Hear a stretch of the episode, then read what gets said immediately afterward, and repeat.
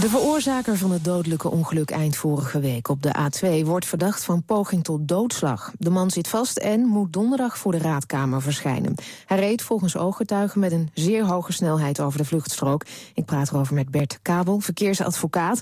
Even een situatieschets. Deze man reed heel hard over een vluchtstrook, reed op een voorganger in. Die auto vloog over de kop en daarbij kwam één man om het leven. Is er wel eens iemand in zo'n situatie veroordeeld voor poging tot doodslag? Bij mijn weten niet. Niet in een vergelijkbare situatie. Er zijn natuurlijk wel... Het overigens is een doodslag, hè, want uh, volgens mij is er iemand overleden in de auto die daarvoor reed. Uh, maar bij mijn weten is er niet een vergelijkbare situatie geweest... waarin iemand veroordeeld, is geweest voor doodslag... dan wel poging tot doodslag. Dus dit is echt uh, nieuw? Dit is een nieuwe, een nieuwe kwestie inderdaad. Uh, de typische doodslagsituaties in het verkeer zie je dat iemand bewust een ander van het leven berooft... waarbij de auto een wapen is. Uh, en dat is hier wellicht niet het geval. Wat zijn dan de eisen voor een veroordeling van poging tot doodslag? De eisen dat uh, iemand natuurlijk uh, om het leven moet zijn gebracht. Dat is één. Twee, het rijgedrag moet dusdanig zijn geweest dat je opzet hebt gehad op de dood van een ander. Waarbij het bekende Porsche-arrest van uh, alweer een aantal jaren geleden er nog is. En de Hoge Raad heeft daar toen gezegd...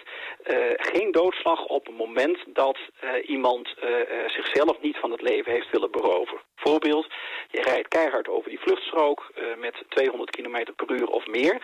Als jij niet opzet hebt op je eigen dood, dan is het geen doodslag. Oké, dus je moet ook jezelf willens en wetens in gevaar hebben gebracht. Althans, hè, voorwaardelijk opzet, bewust de aanmerkelijke kans aanvaarden... dat je zelf ook het leven kunt laten. Als dit inderdaad rond te maken is met bewijzen en deze man wordt veroordeeld... wat voor gevolgen heeft dat dan voor dit soort verkeerszaken?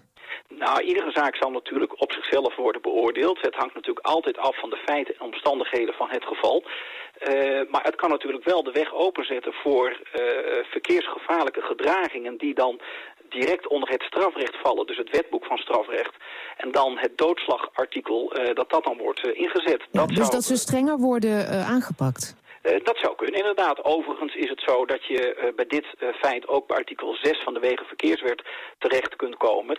Wanneer het rijgedrag roekeloos rijgedrag oplevert, en daar ga ik dan wel van uit gelet op de feiten, zou je ook al tot negen jaar gevangenisstraf kunnen komen. Dus in dat opzicht zouden ze deze zaak ook via de verkeersrechtelijke bepalingen kunnen afhandelen. En waarom is er dan nu gekozen voor een strafrechtelijke afhandeling? Ja, natuurlijk, ook als je het via die weg is het natuurlijk ook een strafrechtelijke afhandeling, maar het, het, ze doen het dan niet via de bepalingen van de Wegenverkeerswet.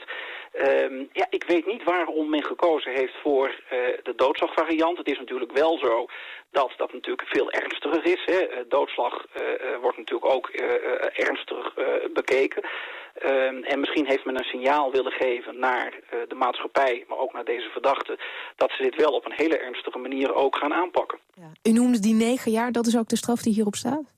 De maximumstraf, wanneer je artikel 6 van de Wegenverkeerswet toepast, is 9 jaar. Wanneer je naar het doodslagartikel gaat, dan ga je naar 15 uh, jaar. Dus dat is een, een fors uh, hogere uh, maximumstraf. Hartelijk dank. Verkeersadvocaat Bert Kabel. BNR